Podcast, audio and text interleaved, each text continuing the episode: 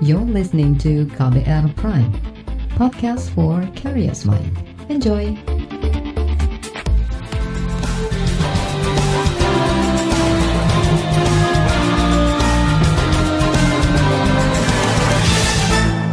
Halo selamat sore saudara, apa kabar Anda sore hari ini? Kembali KBR Sore siap untuk menjadi teman Anda.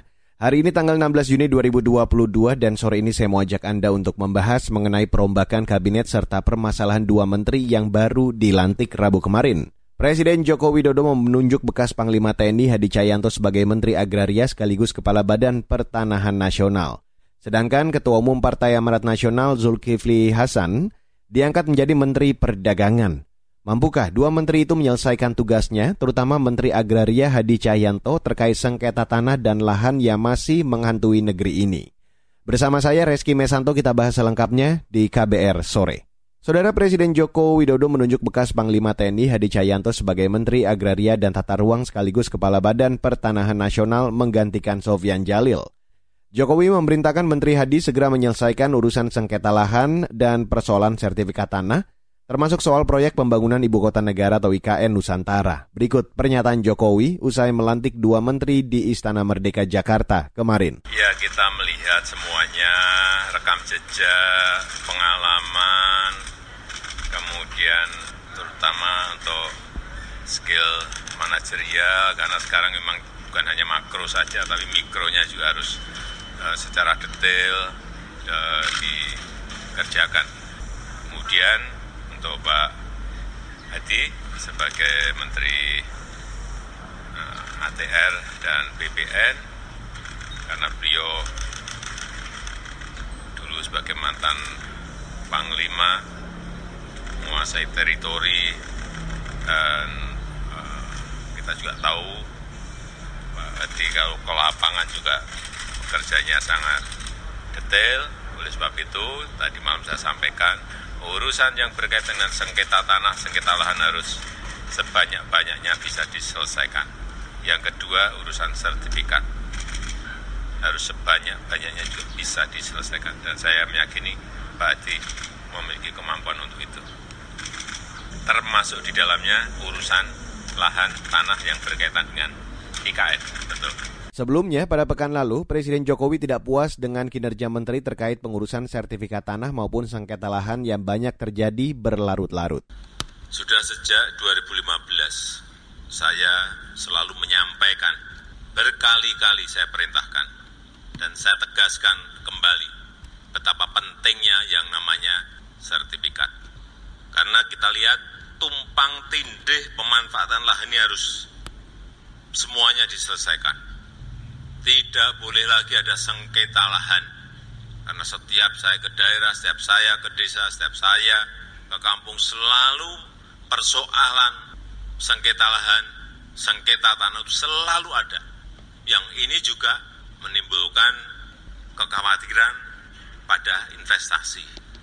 Hati-hati dari 126 juta yang harus pegang sertifikat 2015 itu baru 46 juta. Baru 46 juta, artinya 80 juta penduduk kita menempati lahan tetapi tidak memiliki, tidak memiliki hak hukum atas tanah yang namanya sertifikat. Dan yang lebih menjengkelkan lagi, justru yang gede-gede kita berikan. Yang saya ulang-ulang. HGB 10 ribu hektar, nih HGP 2000 hektar ini, HGP 30 ribu hektar ini berikan. Tapi begitu yang kecil-kecil 200 meter persegi saja, entah itu hak milik, entah itu HGB, tidak bisa kita selesaikan. Inilah persoalan besar kita, kenapa yang namanya sengketa lahan itu ada di mana-mana. Saudara itu tadi Presiden Joko Widodo. Mendapat perintah itu, Menteri Agraria Hadi Cahyanto berjanji akan menyelesaikan sejumlah permasalahan terkait pertanahan yang diminta Presiden Jokowi. Seperti yang tadi disampaikan oleh Bapak Presiden, bahwa tugas saya uh, yang pertama adalah menyelesaikan uh, masalah sertifikat milik rakyat yang sampai saat ini sudah terrealisasi sebanyak 81 juta. Target yang ingin kita capai sebanyak 126 juta sertifikat. Oleh sebab itu target pertama yang segera akan saya uh, segera realisasikan. Namun saya lihat di lapangan permasalahannya apa. Apakah permasalahan itu uh, masih K2 atau K3? Ya, itu juga akan kita selesaikan. Tentunya berkoordinasi dengan instansi terkait uh, supaya uh, segera terrealisasi untuk sertifikat uh, uh, milik rakyat tersebut. Kemudian yang kedua, bahwa sengketa tanah itu juga akan saya selesaikan. Sengketa tanah itu kemungkinan juga overlapping antara milik uh, institusi atau dengan milik uh, satuan lain dengan milik rakyat. Ini akan kita selesaikan dan yang ketiga adalah uh, terkait dengan tanah di IKN yang seperti disampaikan uh, tadi uh, itu akan kita segera uh, selesaikan. Insya Allah dengan sinergi nantinya saya akan bekerja sama dengan instansi terkait dalam hal ini adalah mensukseskan tiga masalah tersebut. Insya Allah uh, dalam waktu dekat ya, uh, kita akan sampaikan dari target berapa hari itu sudah bisa terrealisasi. Ya. Saudara itu tadi Menteri Agraria dan Tata Ruang sekaligus Kepala Badan Pertanahan Nasional atau ATR BPN Hadi Cahyanto. Saudara, kasus sengketa lahan atau konflik agrarian selama ini terus terjadi dan banyak yang tidak terselesaikan. Laporannya akan kami hadirkan sesaat lagi, tetaplah di KBR Sore. You're listening to KBR Pride, podcast for curious mind. Enjoy!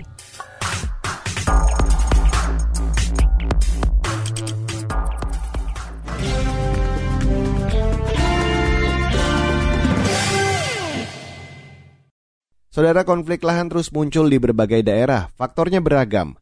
Antara lain karena tumpang tindih kepemilikan, keberadaan tambang hingga penyerobotan lahan.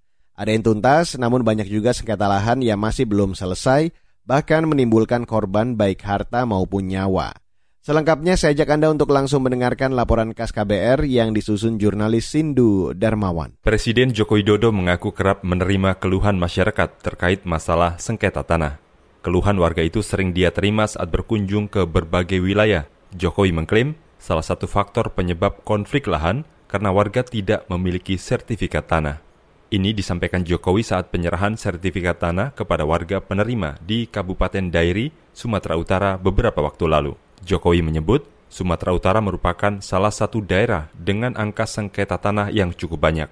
Jokowi mengakui penyelesaian konflik agraria membutuhkan waktu tidak sebentar namun dia memastikan sertifikat yang diberikan pemerintah akan menjamin kepastian hukum dari kepemilikan tanah milik warga. Karena setiap saya ke desa, setiap saya ke daerah, yang masuk ke telinga saya itu sengketa antara warga dengan warga, sengketa antara warga dengan pemerintah, warga dengan BUMN, warga dengan perusahaan swasta. Karena nggak pegang ini. Sejumlah upaya dilakukan pemerintah untuk menuntaskan konflik agraria salah satunya melalui program reforma agraria. Pemerintah mengklaim reforma agraria bukan hanya ditujukan untuk mengurangi ketimpangan penguasaan, kepemilikan, penggunaan dan pemanfaatan tanah, namun juga meningkatkan kesejahteraan masyarakat. Belum lama ini, pemerintah juga akan menerbitkan peraturan pemerintah dan membentuk tim khusus untuk menangani kasus di bidang pertanahan. Hal itu disampaikan Menteri Koordinator Bidang Politik Hukum dan Keamanan Menko Polhukam Mahfud MD usai rapat lintas kementerian lembaga di kantornya pekan lalu. Rapat itu membahas vonis-vonis berkekuatan hukum tetap di bidang pertanahan yang harus dieksekusi oleh negara. Karena ini menyangkut masalah hukum yang rumit, di situ ada mungkin persoalan administrasi, ada persoalan mafia tanah, ada persoalan apa namanya tumpang tindih putusan dan sebagainya. Tadi diputuskan ini akan diselesaikan sebagai kewajiban negara dan untuk itu kami sementara memutuskan akan membentuk raturan pemerintah untuk melakukan assessment dan melakukan langkah-langkah lanjut disertai pembentukan tim Menko Polhukam Mahfud MD menjelaskan Tim yang dibentuk akan melakukan penilaian kasus-kasus hukum di bidang pertanahan. Mahfud juga mendorong tim-tim mafia tanah di Kejaksaan Agung, Polri, dan kantor staf presiden untuk terus menyelesaikan kasus-kasus yang sedang diusut. Pusat Studi dan Dokumentasi Agraria Sajogyo Institute menyebut permasalahan dan konflik agraria yang masih terjadi di lapangan mayoritas disebabkan oleh dorongan pembangunan infrastruktur skala besar dan timpangnya penguasaan lahan. Peneliti Sajogyo Institute Ahmad Jaitullah.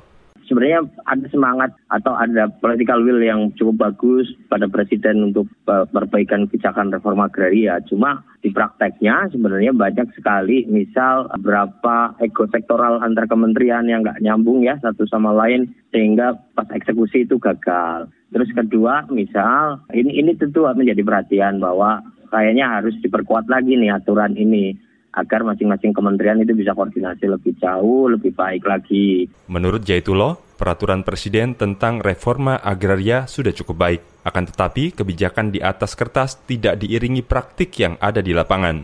Ia meminta pemerintah lebih bijak dalam mengambil keputusan yang melibatkan masyarakat pengguna maupun pemilik tanah atau lahan. Berdasarkan catatan Ombudsman, konflik agraria menjadi pelanggaran yang paling banyak dilaporkan oleh masyarakat sejak 2018. Hal itu disampaikan anggota Ombudsman Dadan S. Suharmawijaya dalam penyampaian hasil kajian sistemik Ombudsman RI terkait implementasi reforma agraria dalam menyelesaikan konflik agraria dan redistribusi tanah pada pekan ini konflik agraria ya dan uh, tanah objek reforma agraria ini yang menjadi permasalahan ya di antaranya uh, isu Ya, ini berkaitan dengan penyelesaian layanan pertanahan melalui Tora ini erat kaitannya dengan permasalahan konflik masyarakat yang memang apa namanya lama ya, menjadi persoalan-persoalan lama di sini ya. Nah, jadi ada penguasaan lahan yang menyangkut khususnya kawasan perkebunan, kehutanan itu sering uh, menjadi uh, konflik juga. Anggota Ombudsman Dadan S. Suharmawijaya memaparkan ada tiga faktor penyebab konflik agraria paling tinggi dilaporkan masyarakat kepada Ombudsman. Salah satunya ialah masyarakat yang mengadu ke ombudsman karena merasa ada sesuatu yang hilang dari kepemilikannya. Berdasarkan laporan dari Konsorsium Pembaruan Agraria KPA, konflik agraria yang terjadi selama lima tahun kepemimpinan Presiden Jokowi pada 2015 hingga 2020 mencapai lebih dari 2.200 kasus yang tersebar di seluruh Indonesia. Dalam periode tersebut, sektor perkebunan menjadi penyumbang konflik tertinggi, yaitu 850-an kasus, Demikian laporan khas KBR yang disusun dan dibacakan Sindu Darmawan. Saudara sejumlah partai memberi beragam respon atas keputusan Presiden Joko Widodo mengganti Sofyan Jalil dengan Hadi Cahyanto di posisi Menteri Agraria dan Tata Ruang. Seperti apa respon mereka? Informasi selengkapnya sesaat lagi. You're listening to KBR Pride, podcast for curious mind. Enjoy!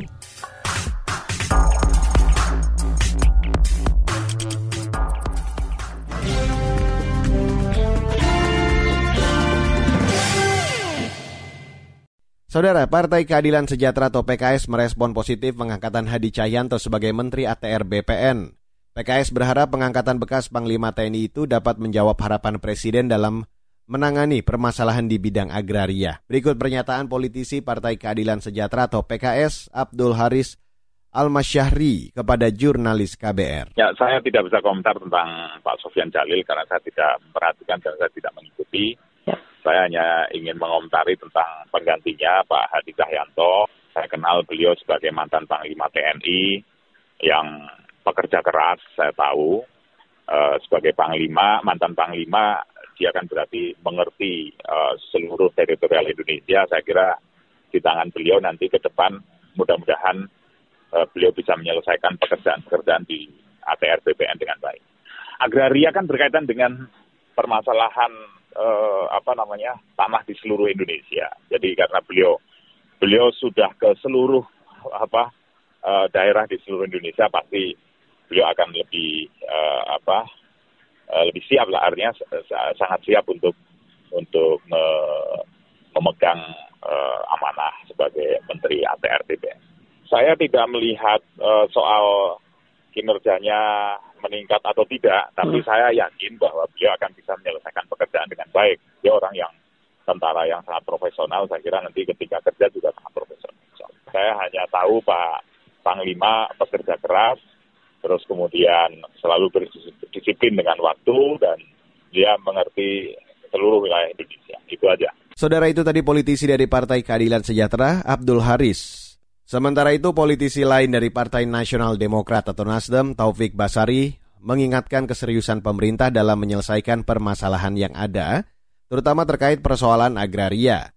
Taufik berharap reshuffle kabinet kali ini dapat menjadi momentum perbaikan kinerja kabinet Indonesia Maju. Jadi itu harapan ya tapi sekali lagi karena itu sepenuhnya adalah uh, prerogatif presiden maka uh, kita hormati uh, apa pun pertimbangan presiden mau itu kepentingan politik ataupun uh, kepentingan kinerja. Tapi harapannya tetap uh, dengan adanya reshuffle ini tentu kita tidak ingin bukannya malah uh, menjadi menurun tapi kita berharap ada perbaikan kinerja, ada peningkatan kinerja setelah reshuffle ini dilakukan. Saudara itu tadi politisi Nasdem Taufik Basari. Partai Demokrat menilai pergantian menteri saat ini hanya untuk memenuhi ambisi politik Jokowi dua tahun sebelum habis masa jabatan pada 2024, terutama untuk mengakomodir partai koalisi pemerintah. Deputi Badan Pemenangan Pemilu Partai Demokrat Kamhar Lakumani dikutip dari cnnindonesia.com menilai, reshuffle kali ini tak menjawab persoalan masyarakat atau memaksimalkan kinerja di dua tahun terakhir masa jabatan. Meski reshuffle merupakan hak prerogatif presiden, Kamhar menilai Keputusan tersebut kali ini tak memuaskan.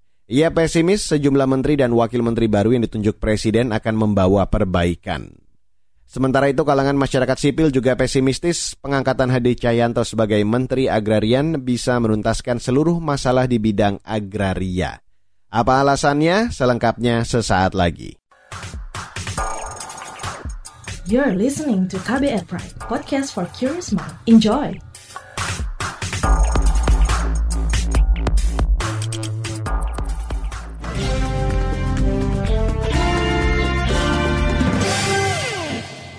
Saudara, LSM memerhati pertanahan Konsorsium Pembaruan Agraria atau KPA pesimistis pengangkatan Hadi Cahyanto sebagai Menteri Agraria dan Tata Ruang atau ATR bisa menuntaskan seluruh masalah di bidang agraria. KPA menyebut ada permasalahan struktural yang mesti diselesaikan, terlebih persoalan bidang agraria juga bersifat lintas sektor. Selengkapnya saya ajak Anda untuk langsung mendengarkan perbincangan jurnalis KBR Astri Septiani dengan Sekretaris Jenderal KPA Dewi Kartika. Terkait penunjukan Hadi Cahyanto sebagai Menteri ATR, dirinya berjanji akan menyelesaikan permasalahan mulai dari sertifikat tanah, sengketa tanah, hingga masalah tanah di ibu kota negara baru. Bagaimana pendapat dari KPA? Apakah optimistis kemudian Menteri Hadi ini bisa menyelesaikan target dan juga membenahi masalah di sektor agraria? Tentu karena kita melihat perjalanan 8 tahun terakhir ya, pemerintahan Jokowi ini uh, hendak menyelesaikan masalah agraria di Indonesia, salah satunya tentu yang paling utama yang ditunggu dan diharap-harapkan oleh masyarakat luas adalah agenda reforma agraria. Bagaimana penguatan hak bagi petani, masyarakat adat, masyarakat miskin itu dapat di diselesaikan, dilaksanakan dengan sebaik-baiknya. Dan dan kita tahu itu mengalami kemacetan. Tentu ada harapan baru bahwa akan ada perubahan-perubahan yang signifikan yang akan dilakukan oleh menteri baru. Meskipun saya harus jujur mengatakan bahwa uh, cukup pesimis. Karena dari sisi waktu kita tahu bahwa kita menjelang politik 2024 dan uh, semuanya sedang mengarah ke sana perpolitikan kita. Sehingga uh, pemilihan atau pergantian uh, menteri baru ini menurut saya lebih kepada uh, keinginan presiden atau pertimbangan presiden untuk menjaga stabilitas politik terutama soal uh, soliditas dari koalisi parpol. Lalu apa evaluasi dari kepemimpinan sebelumnya Menteri Sofian Jalil? Kemudian apa saja pekerjaan rumah yang tengah menanti untuk diselesaikan oleh Menteri baru? Menurut catatan KPA, apa masalah-masalah yang masih banyak terjadi begitu terkait konflik agraria? Ada yang harus dirubah, jadi tidak bisa hanya sekedar melanjutkan kerja-kerja Menteri Agraria sebelumnya, bahkan tata cara kerja kementerian ini. Karena sudah terbukti bahwa 8 tahun terakhir eh, banyak konflik-konflik agraria itu mengalami kemacetan di berbagai sektor termasuk kebijakan-kebijakan yang dilahirkan berkaitan dengan penertiban hak guna usaha, hak guna bangunan, pemberantasan mafia tanah itu banyak yang mengalami uh, kemacetan. Uh, kalau berdasarkan catatan akhir tahun KPA dari tahun 2015 sampai dengan 2021 saja itu ada 2.489 konflik agraria yang bersifat struktural. Artinya ini masyarakat, uh, petani, masyarakat adat, masyarakat miskin, desa, kampung, vis-a-vis dengan badan usaha skala besar. tujuh tahun terakhir pemerintahan Jokowi dan itu ada 4,8 juta hektar tanah berstatus konflik agraria yang menunggu eh, konflik-konflik itu diselesaikan. Termasuk ada 1,3 juta keluarga yang itu terdampak konflik agraria. Dan tentu penyelesaian konflik agraria yang kita harapkan adalah dalam kerangka reforma agraria. Ada konflik-konflik yang harus segera dituntaskan, artinya dilepaskan dari klaim-klaim badan usaha skala besar, kemudian diredistribusikan kepada rakyat, eh, petani gurem, petani miskin, menjadi bagian juga dari pengakuan hak bagi masyarakat adat atas wilayah adatnya, dan itu ada di seluruh sektor. Artinya memang PR-nya sangat besar. Mbak terkait masalah agraria kan kompleks seperti yang Mbak Dewi katakan begitu. Lalu apa rekomendasi dari KPA untuk pembenahan secara menyeluruh terkait agenda reforma agraria begitu? Yang harus dipahami oleh kita semua uh, termasuk oleh menteri yang baru ini adalah konflik agraria atau konflik pertanahan itu bersifat lintas sektor. Jadi bukan hanya berada di bawah juridiksinya kementerian ini. Itulah kenapa kita mengkritisi. Sebenarnya kalau uh, presiden ingin menuntaskan konflik agraria, ya bukan sekedar mengganti menteri agraria karena konflik agraria itu bersifat lintas sektor banyak konflik-konflik agraria itu macet juga di Kementerian ATR BPN karena berkaitan dengan Menteri Kehutanan. Berkaitan kalau konflik agraria dengan BUMN, dengan PTPN, itu kaitannya dengan Menteri BUMN, Menteri Keuangan. Jadi sifatnya lintas sektor. Nah, apakah uh, keinginan percepatan penyelesaian sengketa pertanahan atau konflik agraria itu juga mempertimbangkan itu? Karena yang digantikan hanya Menteri Agraria. Nah, sementara isu lain kan uh, yang kita khawatirkan justru uh, menteri baru ini akan sekedar melanjutkan apa yang sudah dilakukan oleh menteri sebelumnya, lebih fokus kepada percepatan sertifikasi tanah yang sering kali itu diklaim uh, sebagai pelaksanaan reforma agraria, padahal antara reforma agraria dengan sertifikasi tanah atau PTSL itu berbeda. Artinya dia harus dipisahkan. Nah, menteri menteri baru ini harus memisahkan itu karena kalau tidak kembali lagi akan mengulang uh, proses uh, kurang lebih 8 tahun terakhir ini. Konflik agrarianya tidak disentuh, tidak diselesaikan, reforma agraria tidak dijalankan. Yang ada adalah hanya sekedar pemberian sertifikat-sertifikat secara seremonial seolah-olah reforma agraria sudah dilakukan, seolah-olah konflik agraria sudah disentuh. Saudara itu dia Sekretaris Jenderal KPA Dewi Kartika. Dan perbincangan ini sekaligus menutup kabar sore untuk hari ini. Edisi 16 Juni 2022, terima kasih untuk Anda yang sudah bergabung sore hari ini. Saya Reski Mesanto undur diri, salam.